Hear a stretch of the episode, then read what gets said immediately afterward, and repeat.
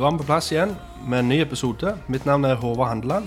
Og jeg heter fremdeles Thomas Opstad. Og vi er de reformerte lekmenn.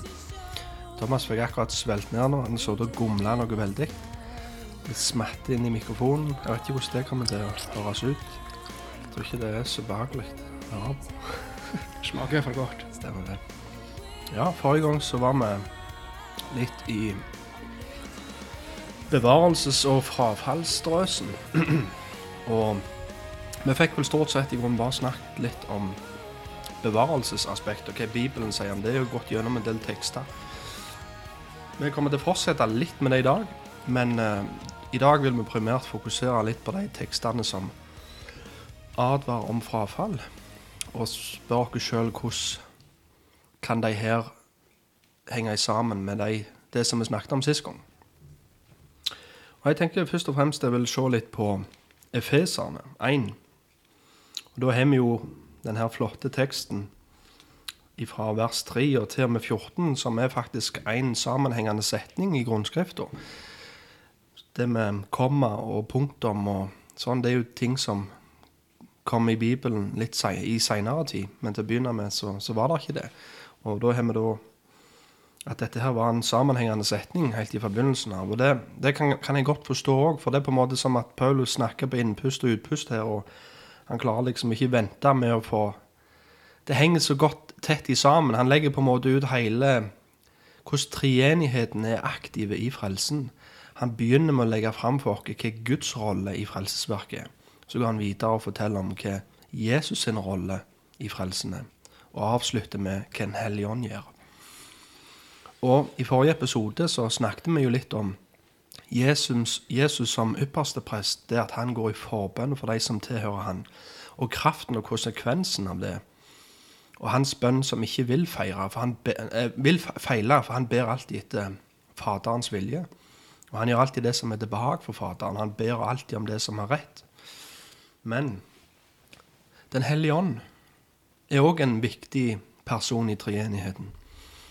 Og han òg er veldig aktiv i vårt liv. Han har tatt bolig i oss. Når vi leser i Romerne, Tidligere i Romerne 8 så står det at han òg går i forbønn for oss, for vi vet ikke hva vi skal be om. Så han går i forbønn for oss med sukk, som det står. Men i slutten av Hebreerne 1, altså i slutten av denne setningen i Hebreerne 1, i, når vi kommer til vers 13, så vil jeg bare lese derifra. I ham ble også dere, etter at dere fikk høre sannhetens ord, det som er evangeliet om deres frelse. I ham ble også dere, da dere kom til tro, beseglet med Den hellige ånd, løftets ånd, som er pantet på vår arv inntil forløsningen av den kjøpte eiendommen, til pris for Hans herlighet. Til å begynne med i denne teksten så leser vi det at Gud Fader var han som bestemte det. Gud Fader var han som forbestemte en brud til sin sønn. Lovet være vår Herre Jesu Kristi Gud og Far, ser man begynner med i vers 3. Han har velsignet oss med all åndelig velsignelse i den himmelske verden i Kristus, slik som han utvalgte oss i ham. Så Faderen utvalgte oss til å bli frelst i Kristus. Det er ingen utvelgelse, og vi blir ikke frelst ut forbi Kristus. Vi er blitt utvalgt til noe. Det å være utvalgt i seg sjøl hjelper deg ingenting hvis det ikke men, men hvis det ikke fører til at du kommer til tro er det med? Det må, mange prøver å skille de to tingene fra hverandre, men, men det gir ingen mening. Du er utvalgt til noe. Vi blir utvalgt til å bli frelst i Kristus. Og da er jo spørsmålet videre hva Eller hvis jeg bare leser videre For at vi skulle være hellige og ulastelige framfor ham i kjærlighet. Ved Jesus Kristus har han forutbestemt oss til barnekår å si. Altså Nå begynner han å bruke ved. Altså Planen til Gud var det å gi en brud til sin sønn. Planen var en frelse en talløs og skare av mennesker. Og hvordan skulle han gjøre det? Jo, ved Kristus.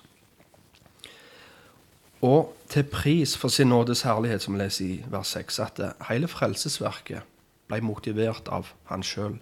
Han gjør alt dette her for sitt navns skyld, og til pris for sin herlighet, som vi ser. Og i ham har vi forløsningen ved hans blod, tilgivelse for overtredelsen etter hans nådesrikdom. Så, så Gud bestemte det.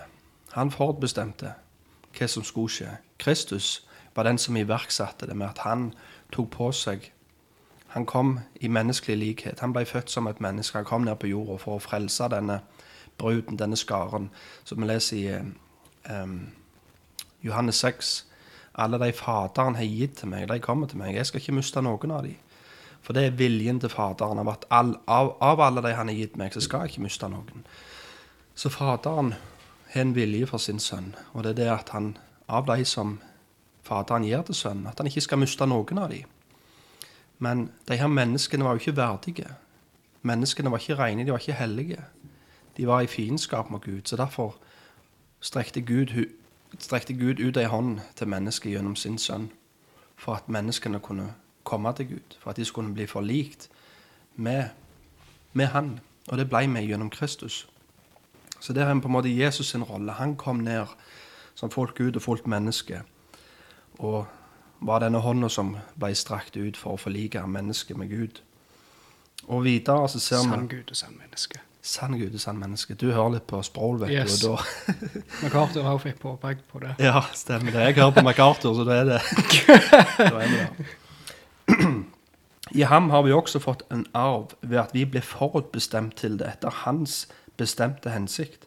Han som utfører alle ting etter sitt viljes råd. Så vi har fått en arv med at vi ble, stemt, ble bestemt til det på forhånd. Og så kommer teksten som jeg begynte med. I ham ble også dere etter at dere fikk høre sannhetens ord, det som er evangeliet om deres frelse. I ham ble også dere da dere kom til tro, beseglet med Den hellige ånd, løftets ånd. Så her ser vi har vi fått sett Faderen sin rolle. Vi har fått sett litt på hva, hva Sønnen gjorde. Men Den hellige ånd Hva er hans rolle oppi dette? Jo, vi ser at som et stempel på alt dette her, så kommer Den hellige ånd. Men Gud besegler hele dette frelsesverket. Hele pakken blir Gud setter sitt seil på oss, på frelsen, med at han gir oss Den hellige ånd. Hvorfor bruker han ord som seil? I Bibels kontekst, når blir det brukt seil? Jo, ta for eksempel Daniel i løvehulen. Der satte kongen et seil framfor håla hans, framfor steinen som ble rullet før der. Og et seil, en konges seil, var alltid et symbol på at med mindre du hadde større makt enn kongen, så hadde du ikke lov til å bryte det. Når den øverste autoriteten i landet satte sin seil på noe, så var det umulig å bryte det seilet med mindre enn med høyere autoritet kom og gjorde det. Og vi ser òg med grava til Jesus. Så ser vi når steinen blir rullet framføre, så blir det satt seil for grava av den høyeste autoriteten i Jerusalem på den tida. Med mindre det var en som hadde en høyere autoritet enn han, så kunne ikke det seilet brytes. Men hva var det Jesus gjorde på den tredje dagen? Han brøt det seilet, for han er kongenes konge. Han er herrenes herre. Og han er all autoritet og makt på himmel og på jord. Men når han som er all makt på himmel og på jord, og han som er den høyeste autoriteten av alle, har frelst oss og gitt dere et nytt liv, og gitt dere barnekår, med andre ord vi er adoptert inn i hans familie, og den adopsjonskontrakten, om du vil, på at vi er hans barn, den har han satt sitt seil på. Så med mindre du er større enn Gud, eller kjenner noen som er større enn Gud, så kan ikke den kontrakten brytes. Så kan ikke du reversere det. På grunn av det er han som har starta et verk i deg, og det er han som vil fullføre det. Og Han deler ikke sin ære med noen. Og hvis han ikke hadde klart å fullføre det han begynte på, så hadde det gått utover hans ære. Og det vil han ikke. Han vil ikke la det skje.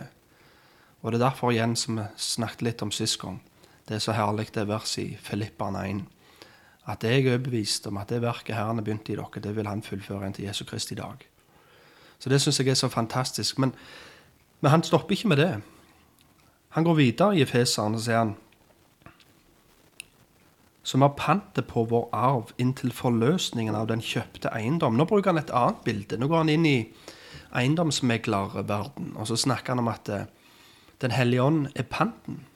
Altså Når jeg går i banken for å kjøpe et hus, så må jeg levere inn en egenandel, eller jeg må ha en pant i noe. Eller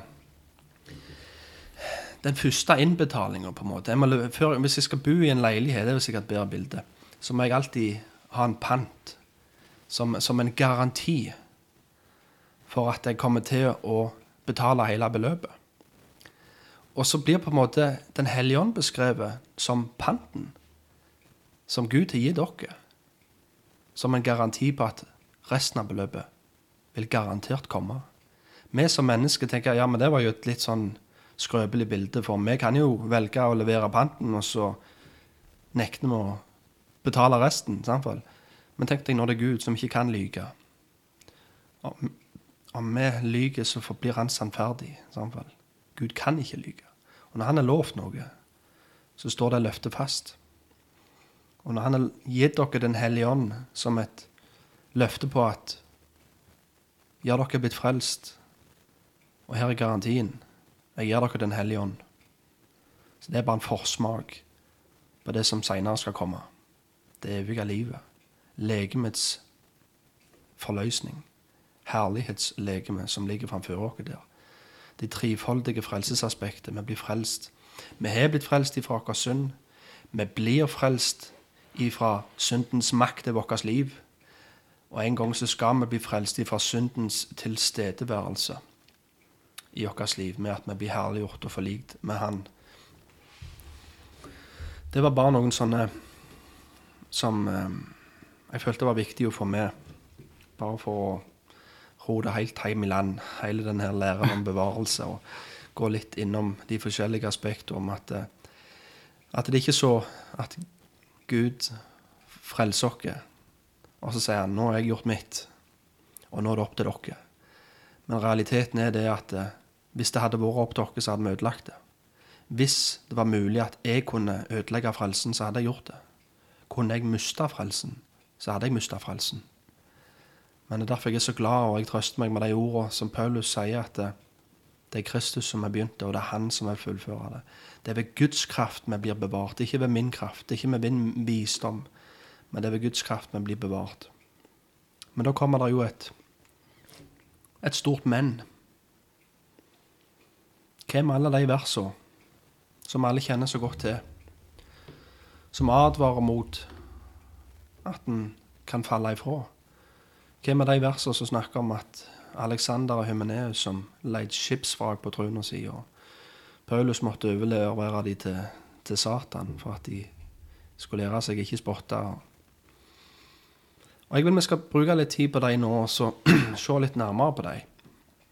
Vi kommer ikke til å ta for oss alle, for da har vi to episoder til. Men jeg tror vi kan se litt på noen av de Ja, jeg vet ikke om jeg skal si de viktigste, men kanskje noen av de første som kommer til tankene våre. Vi har sånn som så Johannes 15. og jeg er tre er dere greinene. for Min far er vingårdsmann, og hver tre på, grein på meg som ikke bærer frukt, blir kappet av og kastet billen. Det er en sånn veldig tydelig som en fort kan stille litt spørsmål med. Og så har vi Roman 11, blant annet. Som òg er en sånn lignende bilde med et tre og greiner som blir kappet av og potet inn.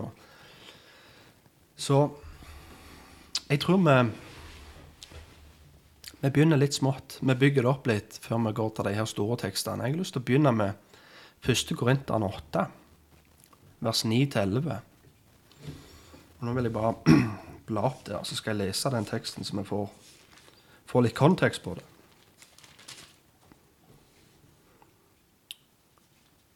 Um, jeg kan lese ifra vers 9. Men se til at denne friheten dere har, ikke på noen måte blir en snublestein for den som er svake. For hvis noen ser at dere har kunnskap, spis og spiser et avgudstempel, vil ikke da samvittigheten til den som er svak, bli så styrket at han spiser av avgudsoffer? Og skal din kunnskap føre til at den svake bror går fortapt, han som Kristus døde for? Og her er Ved første øyekast her så ser det jo veldig ut som at her er det en kristen bror som kan gå fortapt pga. en annen bror som leder han inn i å gå på kompromiss med den samvittigheten han har. Han kjenner at dette har jeg ikke lov til, dette burde jeg ikke gjøre. Han har ikke samvittighet til det, men han blir presset ut i det. Og når han går på kompromiss med samvittigheten og ødelegger samvittigheten sin, så ser det ut som at det, da går han fortapt ut ifra denne teksten. Så vi må passe på samvittigheten til hverandre, sånn at vi ikke fører en bror til fortapelse. Med første øyekast. Men vi skal se litt nærmere. Og så vil jeg begynne med å si det greske ordet for fortapt, som oversatt her til fortapt, er apolymy. Og i andre Johannes brev blir akkurat det samme ordet brukt. Men da blir det oversatt til å miste. Altså gi akt på dere selv, slik at vi ikke apolymy, altså mister det vi har arbeidet for, men får full lønn. Og i andre oversettelser så blir ordet oversatt til ødelagt, eller ødelegger. Og det passer jo med teksten i 1. Korinterne 11. Og skal din kunnskap føre til at den svake bror blir ødelagt, han som Kristus døde for? Siden dette ordet kan bli oversatt på flere måter, vil naturligvis oversetterne velge det ordet som passer best med det synet på bevarelse og frafall de allerede har når de kommer til teksten.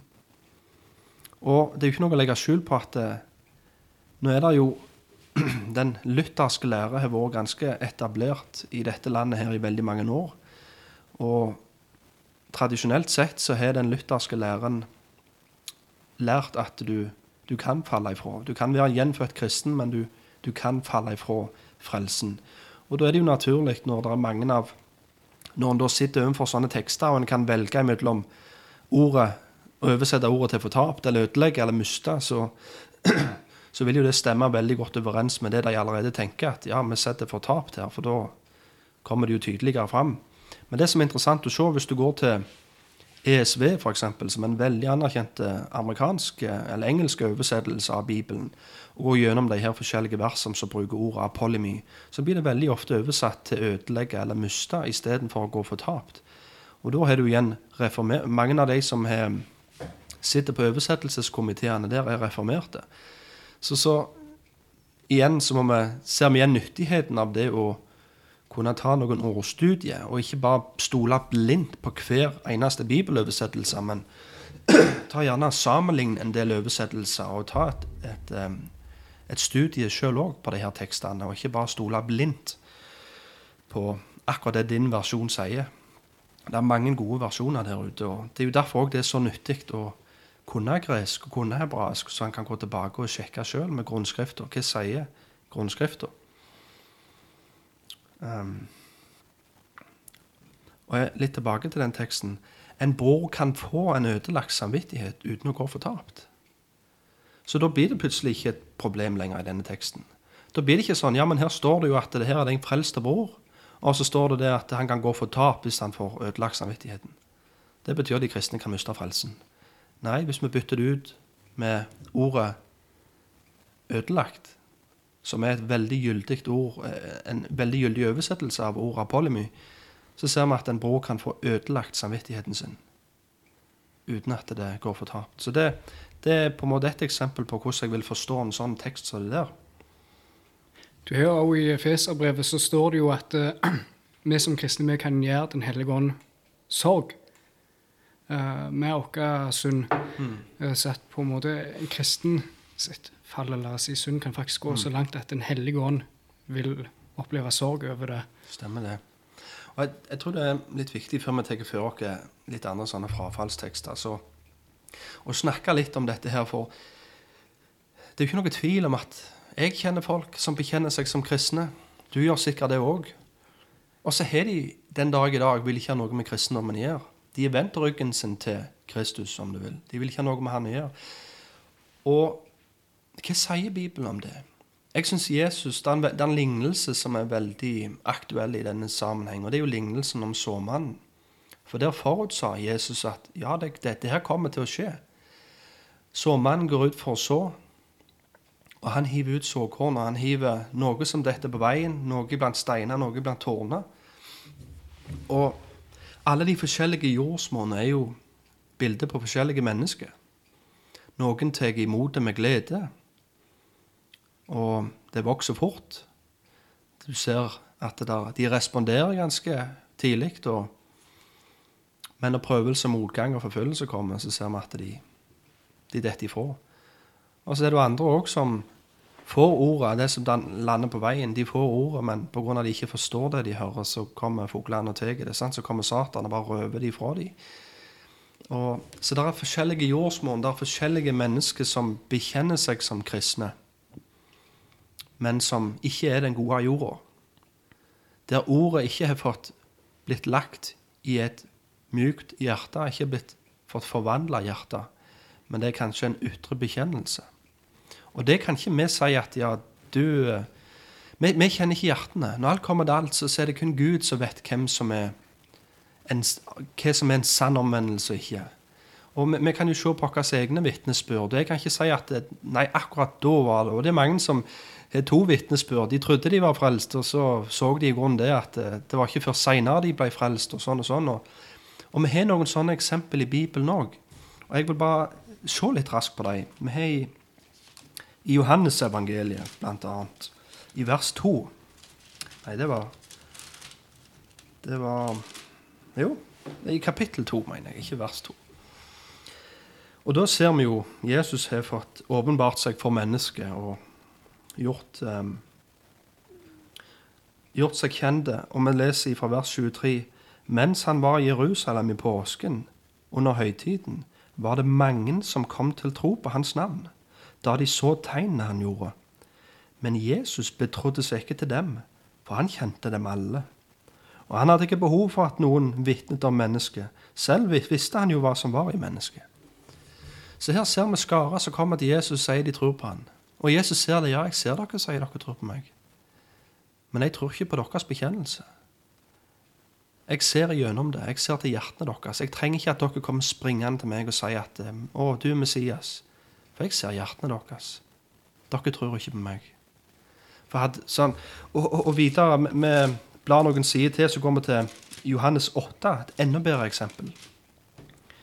I Johannes 8 så leser vi fra vers 31. Eller vi Skal vi se Vi tar fra vers 29. Han som sendte meg, er med meg. Faderen har ikke latt meg bli igjen alene, for jeg gjør alltid det som behager ham. Da han talte disse ordene, var det mange som kom til tro på ham. Bit deg merke i det. Det var mange som kom til tro på ham. Da sa, da sa Jesus eh, til jødene som var kommet til tro på han, Hvis dere blir i mitt ord, er dere i sannhet mine disipler. Og dere skal kjenne sannheten, og sannheten skal gjøre dere fri. De svarte sa til ham, Vi er Abrahams ett, og har aldri vært treller under noen. Hvordan kan du si dere skal bli satt fri? Og Det er jo bare veldig ironisk, bare det som blir sagt der, for de var jo slaver, eller de var treller under Romerriket der. De var ikke sine egne herrer, men allikevel så er de et sånn et, var de en sånn stolt tilværelse at de ville ikke bekjenne at de hadde ligget under Hele historien til jødene har i grunnen vært gang etter gang i trelldom. Både hos Egypten, hos Babylon, hos Asyria. og Det har liksom vært alltid et folk som har måttet Hele historien deres er merka av trelldom og slaveri. Og her sier å nei, vi er ikke våre slaver til noen.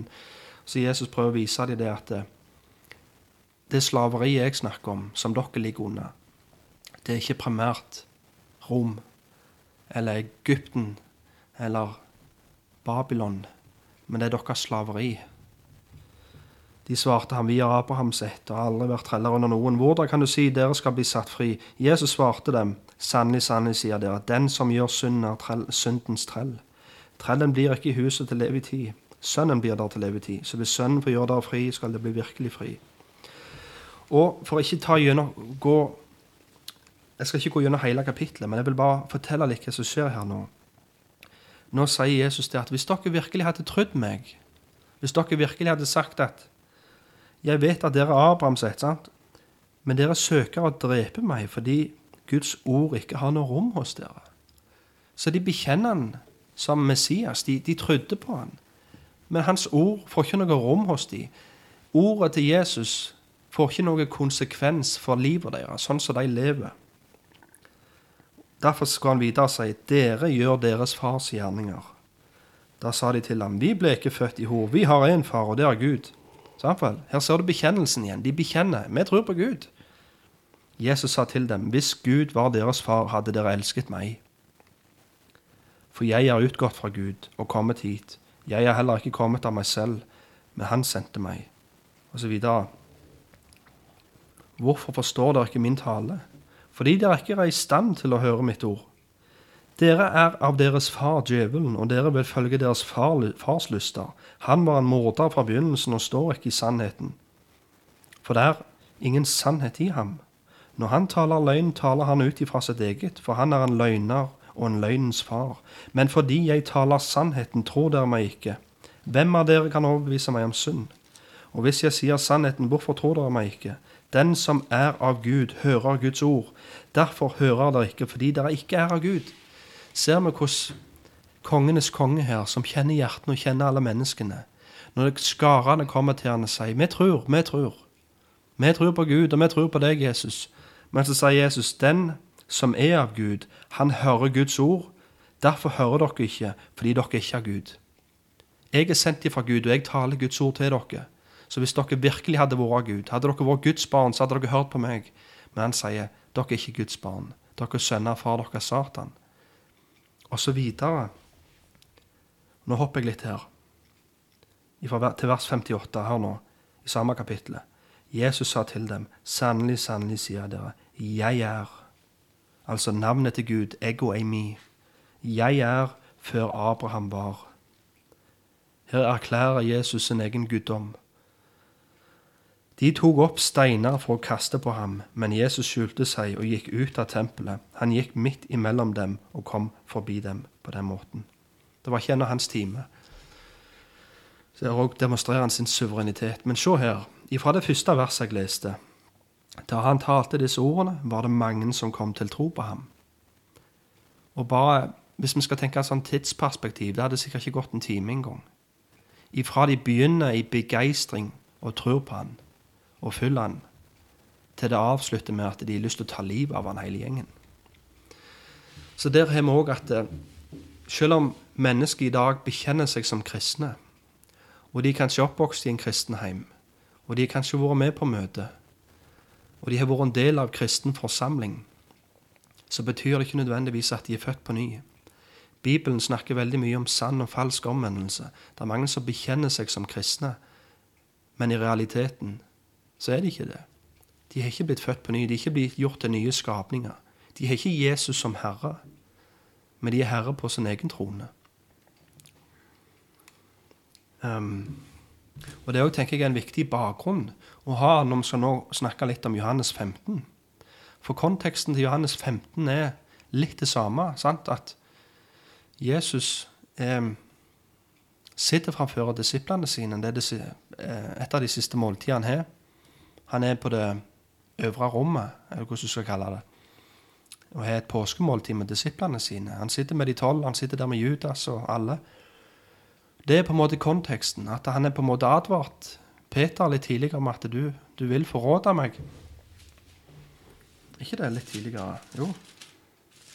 Ja, men Jeg skal ikke lage noe stort poeng ut av akkurat det. Men, um, men allikevel så ser vi når Jesus da snakker om jeg er det sanne vintre, min far er vingårdsmann. Hver gren på meg som ikke bærer frukt, tar han bort, og hver gren som bærer frukt, beskjærer han så den kan bære mer frukt. Dere er alt rene på grunn av det ordet jeg har talt til dere. Bli i meg, så blir jeg i dere, slik som grenen ikke kan bære frukt av seg selv, uten at den blir i vintreet. Slik kan heller ikke dere bære frukt uten at dere blir i meg. Jeg er vintreet, dere er grenene. Den som blir i meg, og jeg i ham, bærer mye frukt, for uten meg kan dere slett ikke gjøre noe. Hvis noen ikke blir i meg, blir han kastet ut som gren og visner. Og de samler dem og kaster dem på ilden, og de brenner. Så her har vi jo på en måte Med første øyekast ser de jo liksom Tenker vi jo fort at ja, men treet Hvis du innpoter på treet, da er du jo automatisk frelst. Og hvis du da blir kapt av derifra, det betyr jo at du kan være en sann kristen, og så kan du miste frelsen din. Men det, det er litt av faren å melke for mye lære ut ifra bildet som Jesus bruker. Um, til, til, konteksten må vi huske på. Først og fremst Han sitter og snakker til sine disipler. Rett etterpå så ser vi at Je, eh, um, Judas kommer til å forråde Jesus. Og Det er liksom den konteksten. Det er veldig tydelig at når han snakker om hvis dere holder dere til meg, dere blir i meg, så skal dere bære mye frukt. Men hvis dere ikke blir i meg Og den direkte konteksten der, hvem var det der som ikke kom til å være med Jesus? Hvem var det som faktisk kom til å forråde han med et kyss? Selge han for 30 sølvmynter? Overlate han til døden? Jo, var det ikke Judas? Og hva var det Jesus sa til Judas? Eller sa om Judas? Han sa det at han var en djevel fra begynnelsen. Og I Johannes 17 så blir han beskrevet som fortapelsens sønn. Så i realiteten så var Judas aldri frelst. Han var aldri født på ny, men han var en djevel fra begynnelsen. Men allikevel, når Jesus sa det at en av dere her skal forråde meg, så var det ingen til disiplene som tenkte ja, ja, selvfølgelig, det er jo Judas. Ingen klarte å se på han. De trodde hans bekjennelse. Men Jesus, som kjente hjertene, visste at Judas er han som kommer til å forråde meg. For han er ikke med meg på grunn av Han tror at jeg er Messias. Nei, han tror jeg er Guds sønn. Han vil ha en revolusjon. Han er en grådig mann. Han er en tyv. Sant? For han stjal ifra pengekassen. Jeg trodde vel bare at han skulle ut på et lite ærend når han eh, stakk ifra Mm. påskemåltidet. Stemmer det. Så opp gjennom historien så har denne her Johannes 15 så har på en måte greina som blir kapt av, har blitt kalt for Judas-greina. At det er mange som bekjenner seg som kristne, som er i den kristne forsamlingen, kanskje vært der lenge, men i grunnen aldri vært født på ny. Og når de virkelig i møte med prøvelse, motgang og forfølgelse, så faller de og blir liggende. Og det med Judas òg, at, eh, at når han falt, så omvendte han seg ikke. Han fant ikke noe rom for omvendelse. Samme som med eh, bror av Jakob, Esau. Han òg, etter han hadde falt, han søkte å omvende seg, men han, nei, han klarte det ikke. Så det er noen sånne, og der er det på en måte forskjellen på en, en kristen og en ikke-kristen. Hvis, hvis en kristen faller, og han kan falle stygt, som vi snakket om, og han kan bli liggende, men han blir ikke værende i den synden. Når han blir konfrontert, når han i møte med Guds ord, så vil det skje en omvendelse. Det kan kanskje ta tid, det kan være en prosess, men det vil skje. Um, i, i Og da er det jo naturlig å bare fort ta for seg Roman 11. Og det som er tingen med de her tekstene her, grunnen til det er vanskelig å bare liksom ta én og én for seg og? Alle de her tekstene har en kontekst. Og hvis du skal få lagt de ut på en virkelig god måte, så kan en ikke bare hoppe rett inn i Roman 11, men må faktisk ta med oss fra Roman 9 og fylle argumentasjonen til Paulus. Så det blir begrensa hvor detaljert jeg kan gå gjennom denne teksten. Men jeg vil i hvert fall bare lese litt fort herifra. I, fra 17.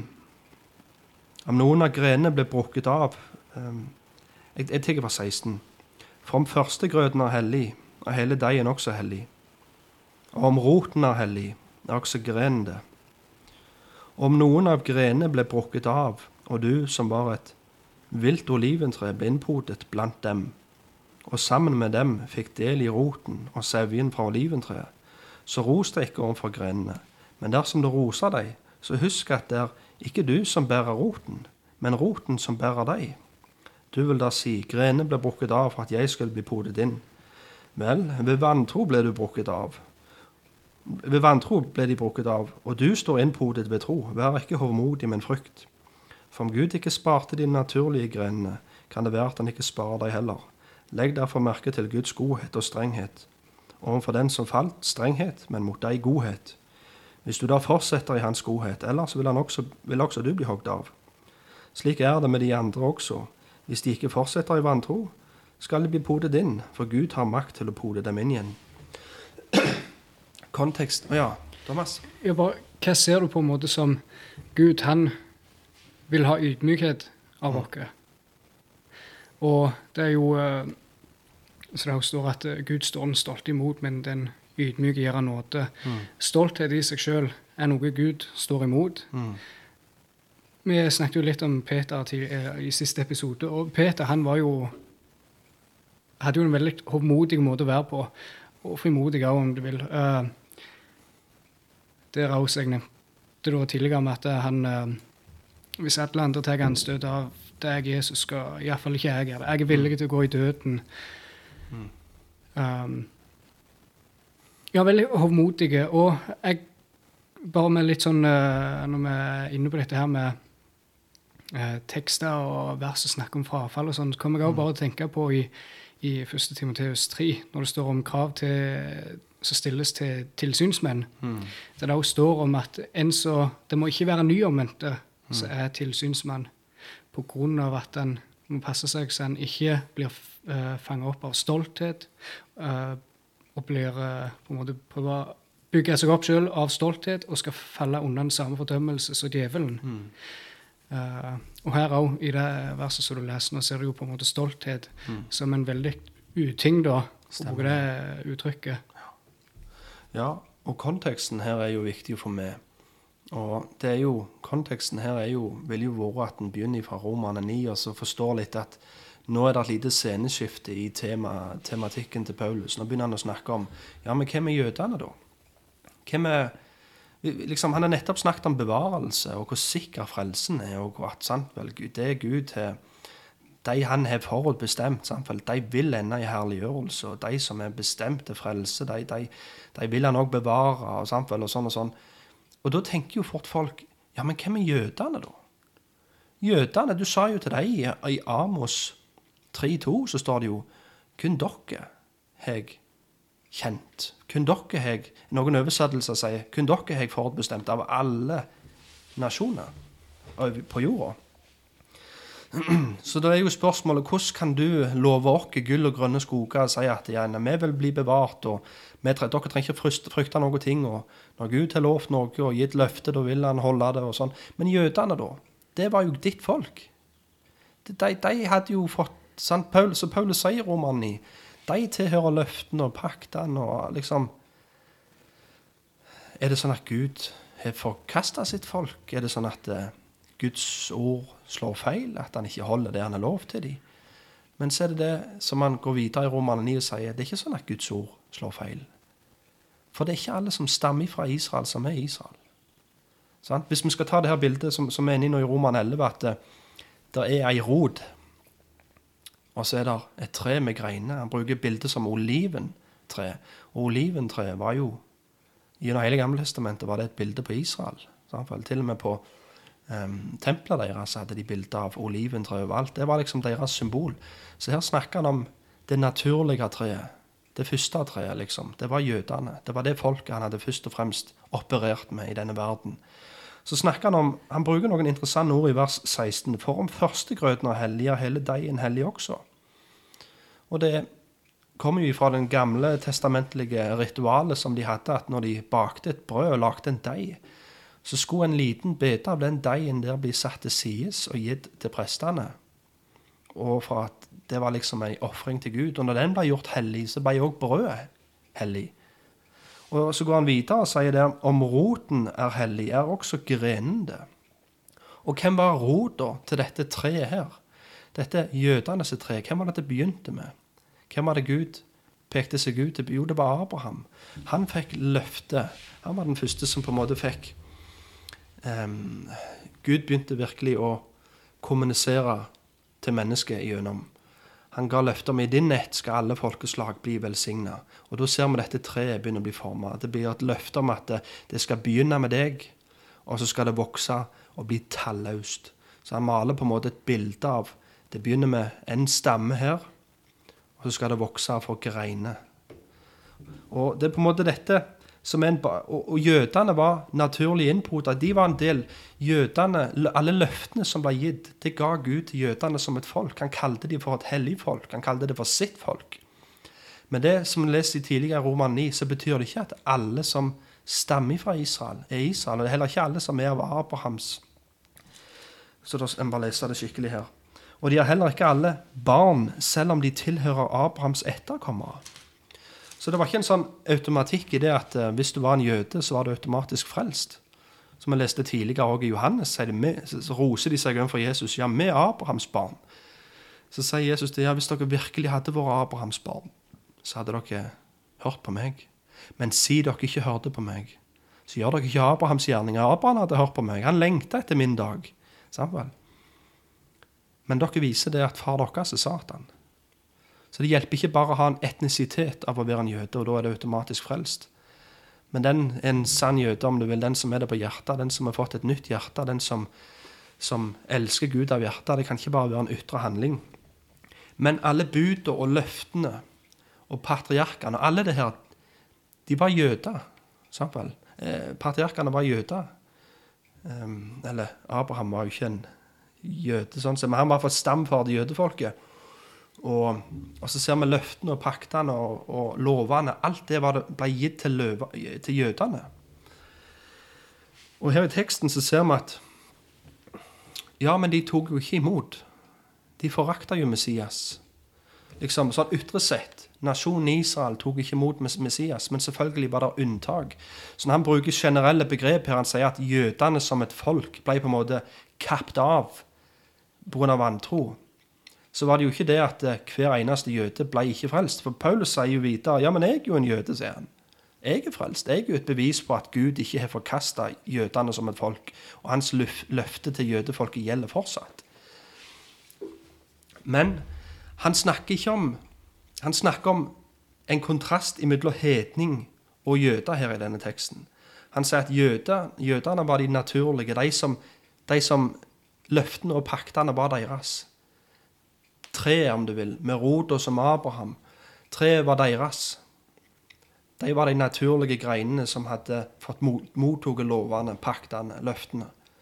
Men pga. de ikke tok imot Messias, pga. de ikke trodde på Jesus, Guds sønn som ble sendt til dem, ja, så får de ikke del i den velsignelsen som skulle komme gjennom rot og Abraham. I ditt, i dine etterkommere skal hele verden bli velsigna.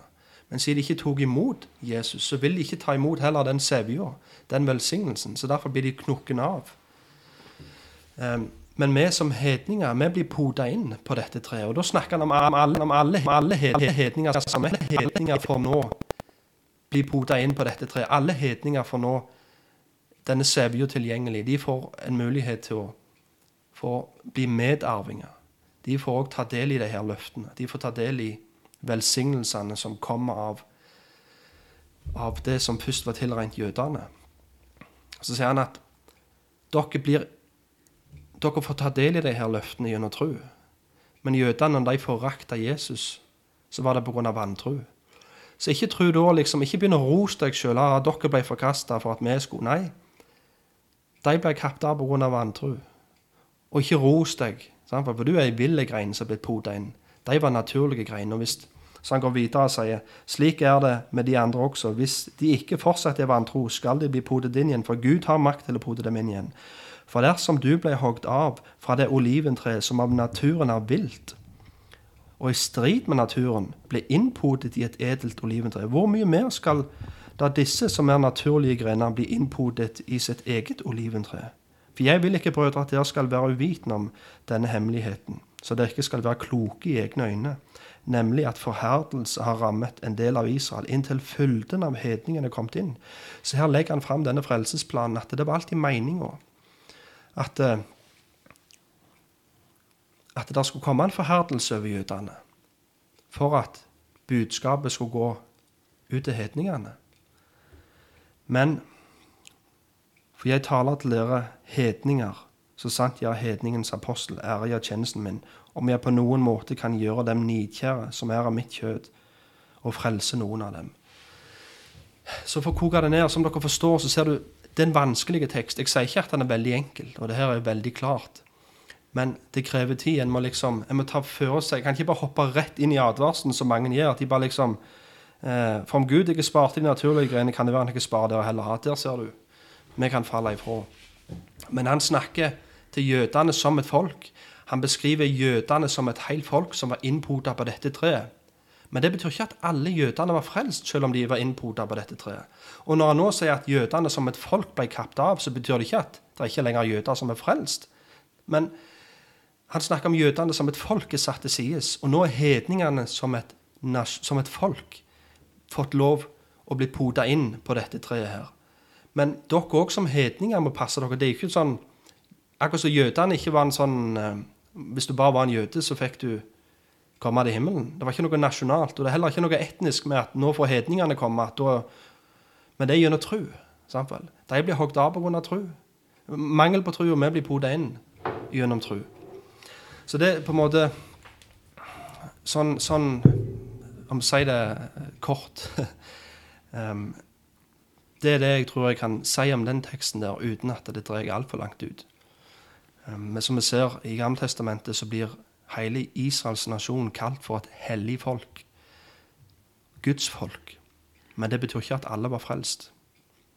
Som vi leser i, i 1. Korinteren, at de falt om i ørkenen pga. vantrue, pga. hor. De sto opp om morgenen for å leke og drakk. og sant Så, men han hadde utvalgt en rest for sitt eget navns skyld innad i Israel, som var sanne israelitter, som det kalles. Så vi leser fra vers 11. Men hvordan lyder det guddommelige svaret til ham? Jeg har latt det bli igjen for meg 7000 menn som ikke har bøyd kne for Baal. Så er det da i den tid som er nå, en rest igjen etter nådens utvelgelse. Så det var Gud til alltid, hadde alltid sin brud. Han hadde alltid et sanne israelitter som hadde omskjørelsen på hjertet innad i israelsfolket. Men allikevel så ble de kalt for et hellig folk, sånn sett utenfra. Ja, det, var, det vil jeg si er kanskje to av de Hva skal du si Tekstene som er, kan være litt utfordrende. Um, vi har òg en tekst som eh, så sikkert mange sitter og tenker på nå. Ja, ja, men du er jo ikke ennå snakket om hebreerne sex. Det er jo den tydeligste av de alle. Og den skal jeg heller ikke snakke om. Men det er ikke for at jeg ikke, ikke vet hva jeg skal si om den. Men det er for at jeg faktisk har Der ligger en tale ute på YouTube som hvis du søker bare på eh, YouTube, Hebreerne 6, så har jeg litt over en times eh, utleggelse om akkurat den teksten der. Så derfor tenker jeg bare, som jeg ikke skal ta opp mer tid på, på det nå, så henviser jeg dere bare der. Gå til YouTube og søk på Hebreerne 6. Um, en annen tekst Vi må ta, no, må ta litt ifra hebreerne. Det er en i hebreerne um, nokså i begynnelsen her. Skal vi se I Hebreerne kapittel 3 så leser vi fra vers 7. Derfor, som Den hellige ånd sier, i dag om dere hører Hans røst, da forherd ikke deres hjerte som med forbitrelsen på fristelsens dag i ørkenen. Det var der deres fedre fristet meg. De prøvde meg, de som hadde sett mine gjerninger i 40 år. Derfor ble jeg vred på denne slekt, og jeg sa, de farer alt de vil i hjertet, og de har ikke kjent mine veier. Så sverget jeg i min vrede, de skal ikke komme inn til min hvile. Se til, brødre, at det ikke er et ondt og vantroens hjerte i noen av dere, slik at han faller ifra den levende Gud, men forman hverandre daglig, så lenge det heter i dag, så ikke noen av dere skal bli forherdet ved syndens bedrag. Og hør nå, for vi har fått del i Kristus, så sant vi helt til enden holder fast på den tillit vi hadde i forbindelsen. Så her advarer han om at uh, han advarer om å falle ifra. Så sier han det at uh, du er en sann kristen. Du har fått del i Kristus hvis du holder ut til enden. For vi har fått del i Kristus så sant vi helt til enden holder fast på den tillit vi hadde fra begynnelsen. Men hvis det er sånn at uh, du bekjente deg en gang som en kristen, men ikke nå lenger, ja, da hadde du ikke Kristus til å begynne med. Så da gir han jo på en måte et veldig godt svar til akkurat den teksten der. Og advarselen er jo det. Test deg sjøl. Prøv deg sjøl. Er det bare en bekjennelse jeg har? Eller er det en realitet i mitt liv? Er jeg faktisk født på ny? Eller lurer jeg bare meg sjøl? Har jeg navn av å være levende, men er død? Og med en lignende tekst i 1. Johannes brev så står det i, fra, vers, fra kapittel 2 vers 19. De gikk ut fra oss, men de var ikke av oss. For om de hadde vært av oss, så ville de ha fortsatt sammen med oss. Men de gikk ut for at det kunne bli åpenbart at ingen av dem var av oss. Så her er vi realiteten at det vil være mange som bekjenner seg som frelst. Det vil være mange som sier 'Herre, Herre' og sier de tror på Jesus, og de vil si ja, men vi har jo forsynt, og vi har gjort tegn, og vi har gjort det ene og det andre. Men Jesus kommer en dag til å si til dem, gå vekk ifra meg, jeg har aldri kjent dere. Han sier ikke det, jeg kjente dere på et tidspunkt, men ikke nå lenger. Han sier jeg har aldri hatt et nært kjærlighetsforhold til dere. På grunn av det er ikke en realitet i deres liv.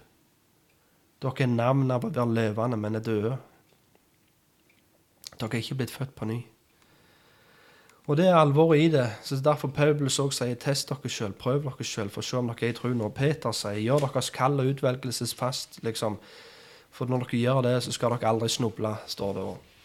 Så når vi leser i Jeremia 31, så sier han jeg skal legge meg en frykt i hjertene deres, så dere ikke skal vende dere vekk fra meg. Og for de sanne kristne så gjør han det òg gjennom de her formaningene. For når en kristen ser de her formaningene, så tenker han det jeg må passe meg for det. Jeg må i hvert fall ikke gå bort i det. Så Gud er med å bevare oss gjennom formaningene i ordene sine. Han legger denne frykten ned i hjertet vårt gjennom formaningene sine, gjennom at vi studerer Hans ord. Så så, dere sikkert forstår, så, så er det et bredt tema. Det er et heavy tema. Og nå tok jeg bare noen av de her versene som kanskje folk tenker på er tydelige frafallstekster. Um, jeg tar en siste òg tekst, og den finner vi i Åpenbaringen 3. Nei, Åpenbaringen 2. Unnskyld. Og det er med budskapet til menigheten i Smyrna. Og da leser vi på slutten. Den som har ører, han hører hva Ånden sier til menigheten. Den som seirer, skal slett ikke bli rammet av den annen død. Så her kommer det på en måte en betingelse. Ja, dere er frelst. Dere er kristne. Men hvis dere seirer, hvis dere holder ut til enden, skal dere bli frelst. Det høres i hvert fall litt sånn ut at der, her blir det lagt en betingelse på frelsen. Og det, Sånne vers og det der, sånne deskriptive tekster, tekster sånn som liksom Det blir veldig ofte brukt som en preskript, preskriptiv tekst. At en sier ja, se her, her lærer Bibelen at du kan falle ifra. Men jeg vil argumentere for at det er deskriptive tekster. Her beskriver denne teksten en kristen. En kristen er han som holder ut til enden. En kristen er han som seirer. Og hvordan kan du si det, Håvard? Jo, for i Johannes 5, første Johannes brev, så leser vi Hver den som tror at Jesus er Kristus, er født av Gud, og hver den som elsker Faderen, elsker også den som er født av ham. På dette kjenner vi at vi elsker Guds barn, når vi elsker Gud og holder Hans bud. For dette er Guds kjærlighet, at vi holder Hans bud, og Hans bud er ikke tunge å bære. Hør nå. For alt det som er født av Gud, seirer over verden. Og dette er den seier som har seiret over verden, vår tro. Vær den som seirer over verden. Nei, hvem er den som seirer over verden, om ikke den som tror at Jesus er Guds sønn? Så i åpenbaringen så leser vi den som seirer. Han skal slippe den andre død. Med andre ord, han skal ikke gå fortapt. Så da er jo spørsmålet Er det sånn ifølge de som sier at ja, her er det en betingelse altså Hvis du ikke seirer, så Det vil si at du har en mulighet til å feile, og derfor så kan du falle ifra. Men jeg tror mer det er en beskrivelse på en kristen. At uh, vi som kristne, vi er de som seirer. Den sanne kristen vil være han som seirer. En sann kristen vil være han som holder ut til enden. Um, være den som seirer over verden. Hvem er den som seirer over verden, om ikke den som tror at Jesus er Guds sønn? Ja Det, det ble mye, det ble masse. Hva tenker du, Thomas? Skal jeg bryte stillheten? Ja. Hva sitter du igjen med? Ja, nå er det jo mest Så jeg er jo bare en av lytterne. Ja. Var det litt forvirrende, det Roman 11? Det ble litt sånn mye fram og tilbake. Men det er en vanskelig tekst. Det.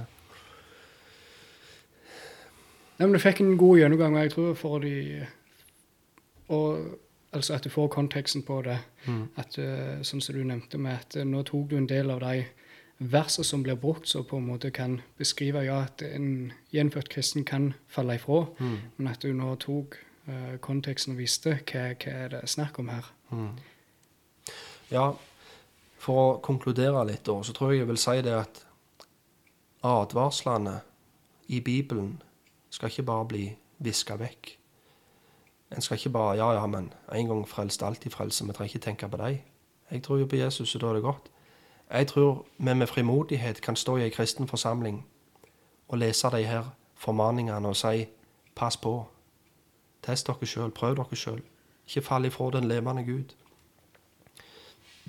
Men realiteten er hvis en vender seg vekk ifra Gud Og hvis en hiver vrak på sin bekjennelse av Han, så viser det bare at det, det var ikke et verk Herren hadde starta, men det var noe som hadde havna på enten iblant tårner eller på steingrunn. Det viste seg levende for ei stund, men det hadde aldri havna i den gode jorda. Det var aldri blitt født på ny. Det var godt rent kjøtt, om du vil. Og det kan ikke vi vite. Vi vet ikke når det er en kristen som, en sann kristen som faller i ei synd som, som han vil bli vendt vekk ifra med tida. Altså Han vil omvende seg ifra det med tida. Der og da så, så, ser vi bare en kristen, en som bekjenner seg som kristen, som lever i synd. Og da har vi instruksjoner i Guds ord for hvordan vi skal håndtere det. Akkurat sånn som Paulus gjorde med Alexander og Hymeneus.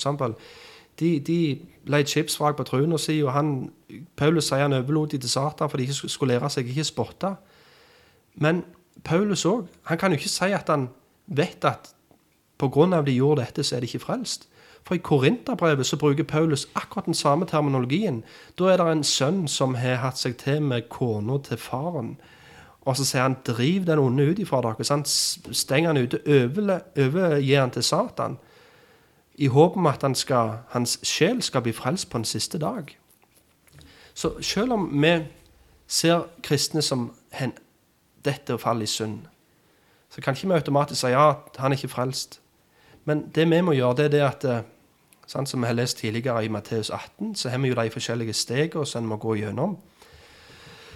At først skal du, Hvis en bror som synder, skal du gå til han som en sak mellom deg og han. Hvis han ikke vil høre på deg, ta til tre vittne, vitne, to-tre vitner. Og så, hvis han ikke vil høre på det, så skal du fortelle det til hele menigheten. Hvis han ikke hører på menigheten, så skal du så skal han um, bli skutta ut fra fellesskapet, for å si det sånn.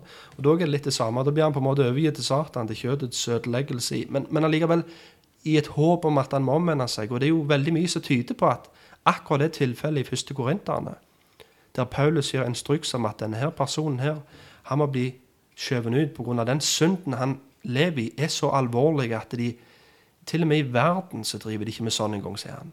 Liksom En som har seg til med svigermor, blir det jo nesten. Hvis ikke tar helt feil. Det er jo stemor. Stemor. Det er ikke svigermor, stemor blir det, ja. Um, men i andre korinterne så ser vi det at denne karen tydeligvis har omvendt seg, og nå vil han inn igjen. Og Paulus sier 'jeg skriver med tårer'. Altså, Den straffa som ble påført, han er nok. Altså, Få han inn igjen. Målet med å drive de ut det er ikke for de skal bli ute, men målet er jo for at det er en håp om at de omvender seg, så han kan invitere de tilbake igjen. Så, så tilgi denne her mannen. og Få han inn igjen, sier Paulus. Så, så, det fungerer jo. Og det er sånn, Vi kjenner ikke hjertene, men vi har bare fått instruksjoner på hvordan vi skal håndtere sånne ting. Og så bør vi òg være veldig aktive og, og be for dem. Men så, så, så, det står i 1. Johannes brev det er noen synder du skal be for. Men det er synder som ikke er til død. Det er andre synder du ikke skal be for, sier han.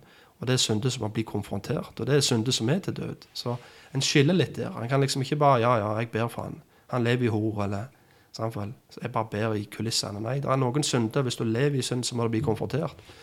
Mens det er andre synder som alle sliter med, så, så ikke i den kategorien. Så, så ber vi for hverandre og ber om helbredelse og gjenopprettelse. Ja, det er mange nyanser. Det er mange Du kan ta dem fra flere vinkler, dette her. Det er et bredt tema. Men eh, kom gjerne med, med, spørsmål hvis det er folk som sitter med en del spørsmål i hodet sitt nå. Hvem er det, hvem er det, og hvordan skal en tenke om dette her? Eller hvis det er noen vers dere tenker på. Her lærer de jo tydelig frafall. Send det inn, og så skal vi prøve å så godt som vi kan, og ut ifra så langt som vi er kommet um, i, i, i, kunnskap, prøve å gå gjennom de versene. Og se om vi klarer å forsone det med det som Bibelen lærer om bevarelse. Med det, Thomas, har vi noen siste anbefalinger. Kommer du på noen? Det blir jo blant annet å høre den talen som du nevnte. Mm. Ja. Så det er jo mest det bare kan bli Sist gang da var det jo anbefala å følge med på denne episoden, og nå får vi, tror vi bare får ha en felles anbefaling om å ta din tale. Vi får ha det. Ja. Jeg har lyst til å avslutte det med et vers, så det kan være det siste som ringer i ørene deres. Det er i 1. Tessalonikerne, kapittel 5, vers 23. må fredens Gud selv hellige dere fullstendig, og med deres ånd, sjel og legeme helt fullt blir bevart ulastelig ved vår Herre Jesu Kristi gjenkomst. Han som kaller dere, er trofast, og det er Han som gjør dette. Med det så sier vi takk for i dag og på gjenhør. På gjenhør.